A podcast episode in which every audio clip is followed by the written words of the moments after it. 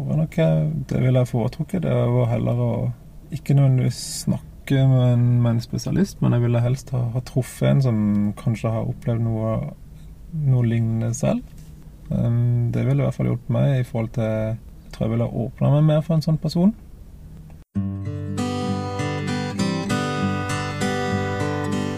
Hei, velkommen til en ny episode av Selvmordspodden. Poenget med podkasten vår er temaet selvmord, og at ikke én til skal velge denne løsninga. I dag så er du her med Anne Gillebrekke. Og Kine Reinertsen. Vi har jo valgt å ha hovedfokus på unge menn som er usynlig deprimerte. Og det betyr at ingen vet at de sliter med disse vonde tankene, og at de ikke klarer å snakke om det til noen, egentlig. Vi fokuserer på historier, og så møter du mange forskjellige mennesker her som har tanker rundt eh, dette temaet. I dag har vi vært så heldige å få lov til å intervjue en som heter Martin Rafoss. Han er 45 år, han er gift med ei som er tysk, har to barn på seks og ni år. Nå er han tilbake i Norge og bosatt i Kristiansand siden slutten av 2018, etter å ha bodd 15 år i Sør-Tyskland.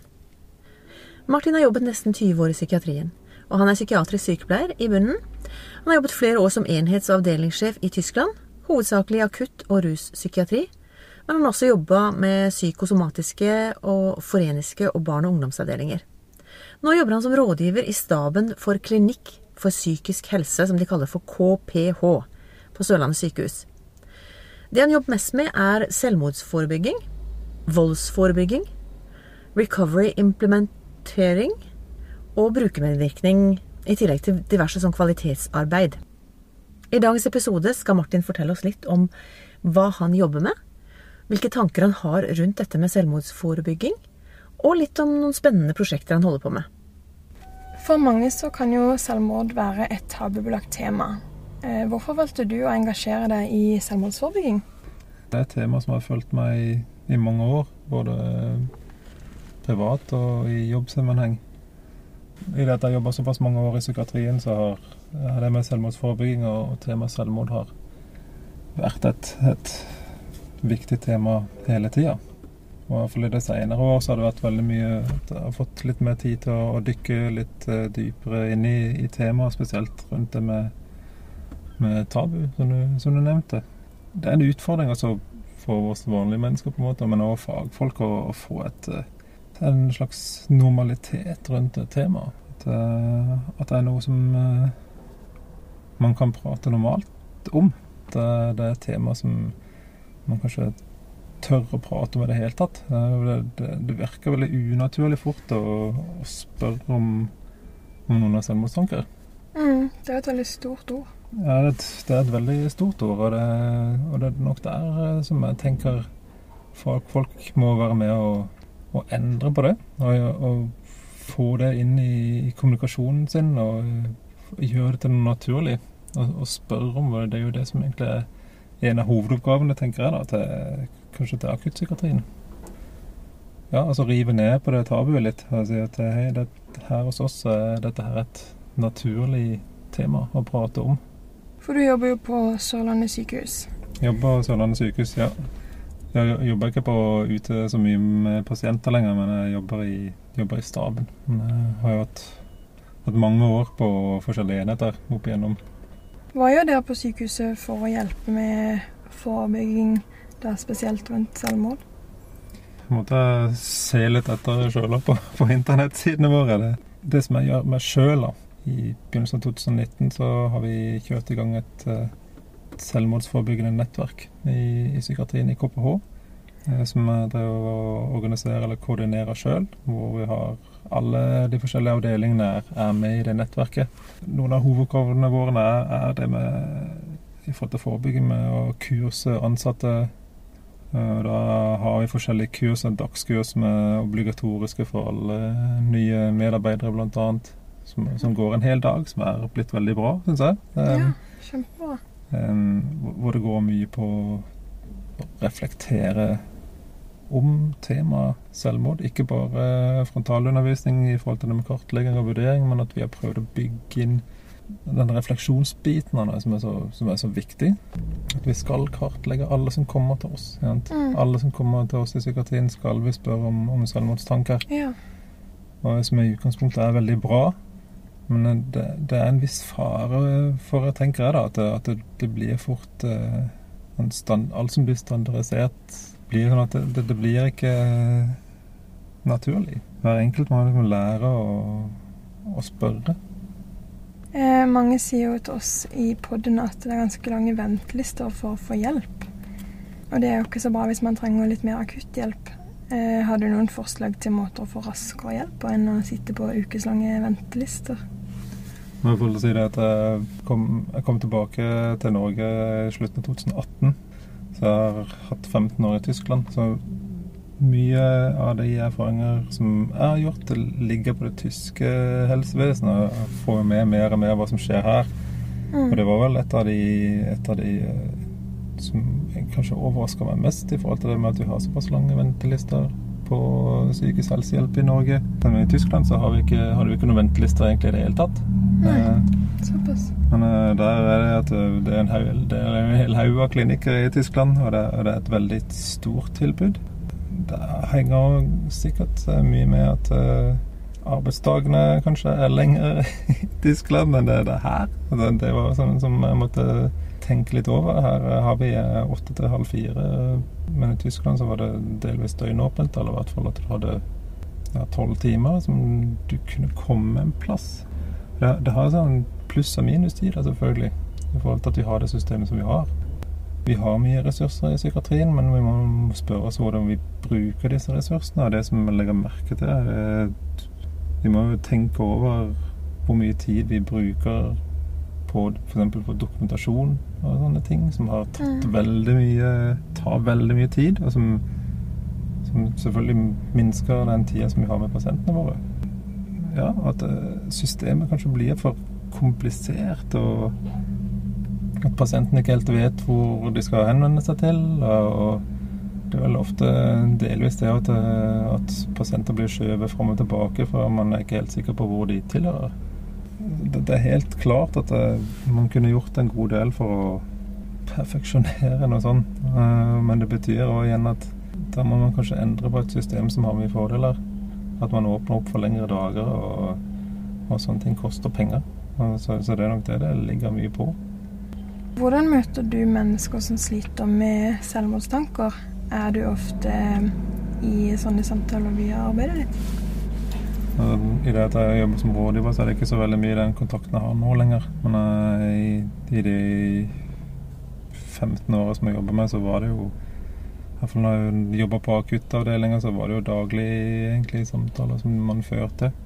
Jeg jobba flere år som avdelingssjef, og da var det òg at eh, du fikk ofte de, de sakene inn på bordet som var de mest alvorlige. Da var det delvis å det endte opp med samtaler med alle, kanskje med pasienter, med pårørende og med, eh, ja, med personal og, enkeltsamtaler. Så, så det er noe som ja, som jeg har gjort, tenker jeg har gjort mye. Og det er det som er klart at det er den form for samtaler som er de ennå er de vanskeligste, syns jeg. Som har brukt mest tid på å reflektere over hvordan man skal føre sånne samtaler. Det underviser veldig mye, men det, det er ting som nesten er umulig å undervise ordentlig, for det ligger mye på personligheten din og hvordan, ja, hvordan du føler deg sjøl, og hvordan du kommuniserer med andre i det hele tatt. Og selvfølgelig òg i forhold til mye med de erfaringer du har gjort med det temaet sjøl. Ja, det er veldig mye sånn hva, hva skal man si? Hvis man tenker for mye på hva man sier, så blir det at man kanskje ikke sier noen ting. Eller Mm. eh, at det fort kommer floskler, og, og det er ikke det som jeg ville hørt sjøl. Av og til så er det kanskje best å bare ikke si noen ting, men å bare, å bare være der. Jeg tenker kanskje det er det, kanskje det viktigste. Det å, å vise at, at du lytter. At, at personen kjenner får sikkerhet bare i det at det er noen der. Kanskje Mm. det er det aller viktigste. Å, å bruke tid. For det er en kjempeutfordring som er noe som vi har hele tida. Det med tid hvor du, du blir litt pressa fra alle kanter. Men Mm. uh, dette er samtaler som, som man bare må ta seg tid til. Hvis du kunne bestemt hvordan selvmordsforebygginga skulle vært, hvordan ville det sett ut da?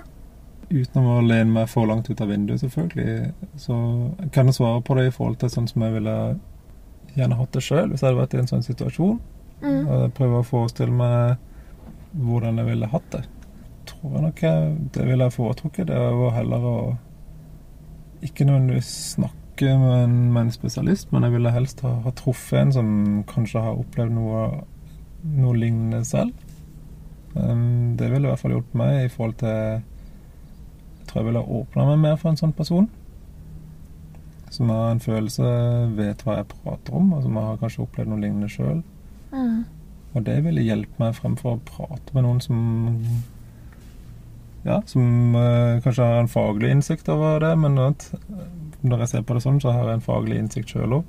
Altså, Så det ville ikke hjulpet meg noe som helst. Og jeg tror nok de aller fleste ja, de, kanskje de leser litt mer om det, eller du finner alt du trenger på nettet, eller hva som helst. Og de, de fleste har mye kunnskap om temaet. Og da er det ikke så forferdelig mye mer noen kan, en psykolog kan komme og fortelle meg. Det, det er ikke det jeg trenger. Og jeg trenger heller ikke en, en full akuttstasjon med, med masse personale. Um, og med stengte dører. Det er ikke det jeg trenger. Jeg trenger en plass som jeg tenker Som jeg kanskje kan, hvis mulig, komme og gå som jeg vil. Eh, og hvor det er trygge rammer.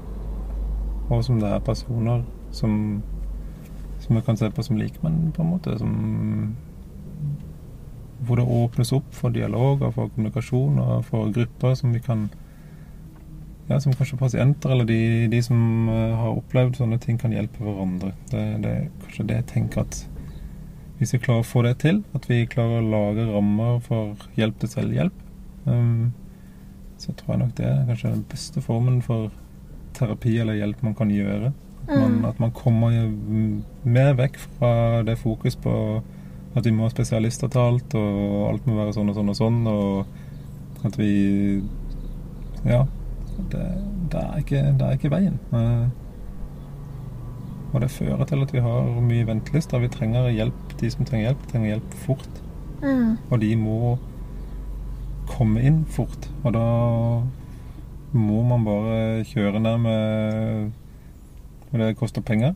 Og det betyr at hvis man gjør større enheter hvor det kommer mye pasienter, og det er lite personal eller lite utgifter, så tror jeg nok det kanskje i utgangspunktet er vel så verdifullt, eller som det er en, en spesialistenhet ville vært med tolv sengeplasser.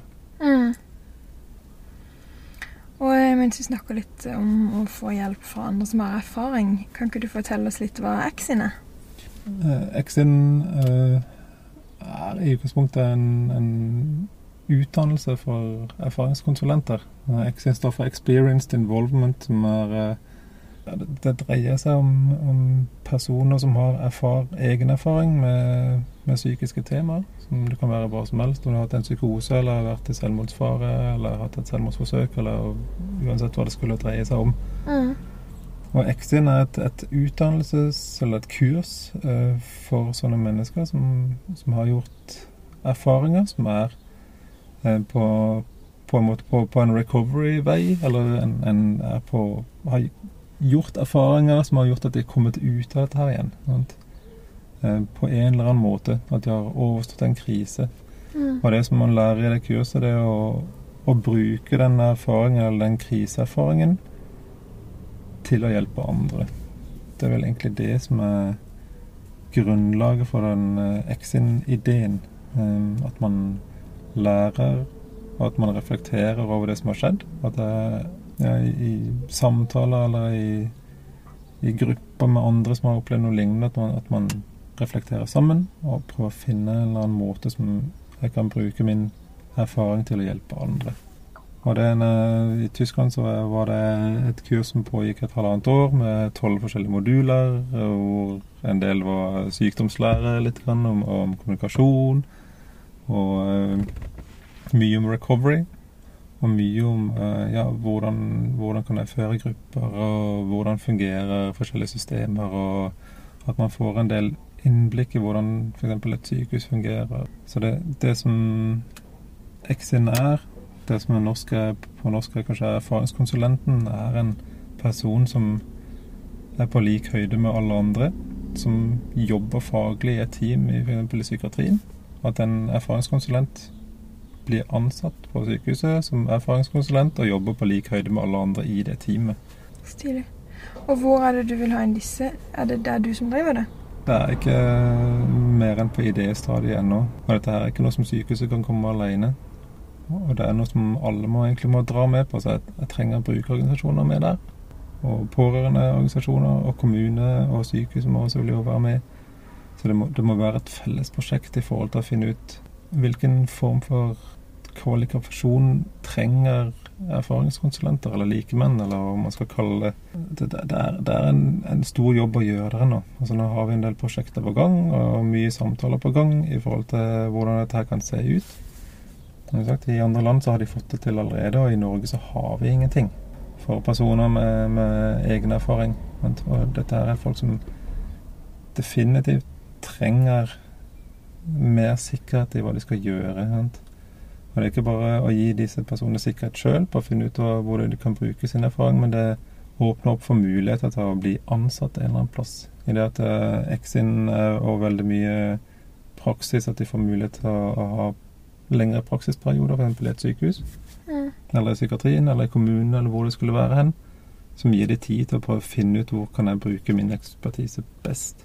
Og det åpner opp for ja, åpne opp for mulighet på arbeidsmarkedet. At eh, et sykehus eller psykiatrien eller kommunen sier ok, dette her er noe vi kan trenge. Det som har vært problemet før, det er at man ikke helt har visst hvor man skal bruke erfaringskonsulenter til. Mm. Ja, og da må du ha rammer i forhold til du vet hvilke oppgaver de har. De må ha eh, støtte ja, rammer rundt det, med, med, personer de kan ta kontakt med, eller, eller hva som helst, som fanger de opp. Sørlandet sykehus har hatt erfaringskonsulenter for eksempel, fra allerede i over ti år. Men det har vært mye sånn prøving og feiling, og, og, det har vel egentlig endt opp med at uh, man ser at det er definitivt behov for å, å, ha en opplæring for erfaringskonsulenter. Så det er den Exin-ideen som vi prøver å sette gjennom her, da. Basert på litt sånn tysk og engelsk modell. Ja, vi jobber med det. Um, og prøver å få inn midler til å gjøre en pilot. Og vi er i samtale med UiA og litt av forskjellig for å se her, hvilken vei dette kan ta. Det, det, er en lang vei igjen i forhold til det politiske og i forhold til hvor, hvordan skal man belønne erfaring. Mm. Eh, det, det, det, er et mål i seg sjøl at den erfaringen, den egne erfaringen må være på høyde med fag. Så er den som like viktig som, som fagerfaringen. Men det må bli landa på et politisk nivå. Nå er det ikke noe eget yrke engang, erfaringskonsulent. Hvis vi hadde klart å få det til ja, og si at ok, det, det er en yr egen yrkestittel, og da er det mye lettere for en arbeidsgiver å si ok, yrkestittel så og så, og da har du eh, det og det kravet på lønn. Mm. Og nå så har vi egentlig ingenting. Vi har erfaringskonsulenter, men vi har sånn vag idé om hva de skal gjøre. Men eh, for å få dette her ordentlig til, så, så må det være landa på det politiske nivået og si at ok, vi er villige til å betale så og så mye for å ha en erfaringskonsulent. Du er veldig utsatt, selvfølgelig. Det er vanskelig for en erfaringskonsulent å komme inn i et, et for et system som psykiatrien. Altså det, det, da kan det fort uh, bli konflikter og misforståelser. og at jeg jobba lenge med å integrere erfaringskonsulenter i, i Teams i Tyskland, og det, det er kjempeutfordrende. Mm. Men eh, det er helt, helt, klart at dette her er noe som virker. Og i, i tyske retningslinjer f.eks. så er det jo nå kommet at uh, man sier at erfaringskonsulenten eller erfaringskunnskapen er kanskje noe av det viktigste man har. Til og med mer virksomt enn alt, enn alt annet ja, som vi gjør i psykiatrien. Og det er jo helt fantastisk, egentlig. Mm, absolutt. I podkasten vår så fokuserer vi en del på unge menn som velger å ta livet sitt. Hvorfor tror du at det er så mange unge menn som eh, tar selvmord? Det er nok kanskje mange grunner til Det er et tema som vi har diskutert mye egentlig i alle år fakta. Jeg ser på tall eh, og statistikker også, selvfølgelig, så ligger menn langt eh, fremme. Det har, og spesielt med unge menn så har det helt sikkert at menn er nok mer utsatt eh, i forhold til med, kanskje med lang, manglende livserfaring og mange med lav selvtillit og lav selvbilde i en eller annen form. Mm. Og, og sliter med å ja, bygge opp relasjoner, eller de usikkerhet kanskje i forhold til relasjoner. Vi lever jo veldig trygt og greit i vestlig verden, men det betyr igjen at du, mange ikke har noe erfaring med, med kriser. Sant? Mm. Altså Nå med korona er det kanskje den første ordentlige krisen som vi har opplevd i, Ja. i vår generasjon. Det er jo helt utrolig. Ja. Det gjelder for foreldregenerasjonen òg, som i hvert fall ble født etter krigen. Sier hei, dette her er virkelig en, en ordentlig krise. Um, så det, det har helt sikkert en del med det å gjøre. At eh, de vet ikke helt hvordan man skal håndtere en krise. Mm. Eller du ikke helt klarer å definere hva som faktisk er en ordentlig livskrise. Og da blir det, hvis du opplever et, et, et, et brudd med kjæreste, så blir det plutselig en, en kjempesak som Mm. du ikke har noe erfaring med, som gjør at du ja, kanskje holder den, den døra oppe til selvmord som en utvei. Det er ikke de som har selvmordsforsøk, men det er de som klarer det med, med på første forsøk. Og det betyr jo igjen at de er utrolig vanskelig å fange opp plutselig, og det kan skje forferdelig fort. Plutselig så har de en krise, og takk. Altså det, det er ofte når man snakker med pårørende og familie, at de har, ikke, de har ikke sett det komme egentlig i det hele tatt. Og det tror jeg nok ofte er, er fakta, at det har skjedd så fort. Mm. At man ikke har klart å følge opp, eller det kanskje ikke det var noen mulighet til å følge opp dette her i det hele tatt. Mm. Men hvorfor er det så vanskelig å spørre om hjelp hvis man vet at man har det vanskelig? Jeg tror nok det, det har noe med det, den følelsen av hvordan den krisen her er. At det blir så altoppslukende at ikke du, du klarer ikke å, å se på noen ordentlig utvei. At det ja, kanskje har det med stolthet å gjøre, eller, eller at eh, hvis du virkelig har fått en ordentlig ripe i stoltheten din, så er det ikke det at eh, en ung mann ville Det første han ville gjøre, er å gå og snakke med noen. Mm. Det skal han ordne på egen hånd. Og, Ja. og da er det helt klart at kvinner har en kjempefordel i forhold til det. De går og prater med venninna si, og det gjør ikke, det gjør ikke den mannen. At, eh, at vennskap og samtale er basert på andre ting, kanskje. Det er veldig synd, men sånn, sånn er det nok.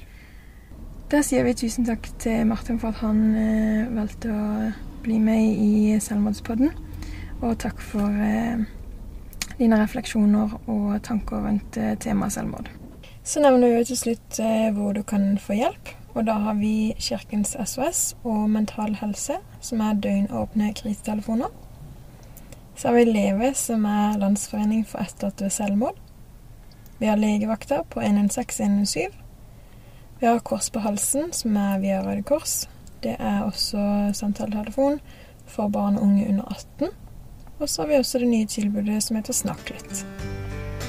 Og med det så sier vi takk for i dag.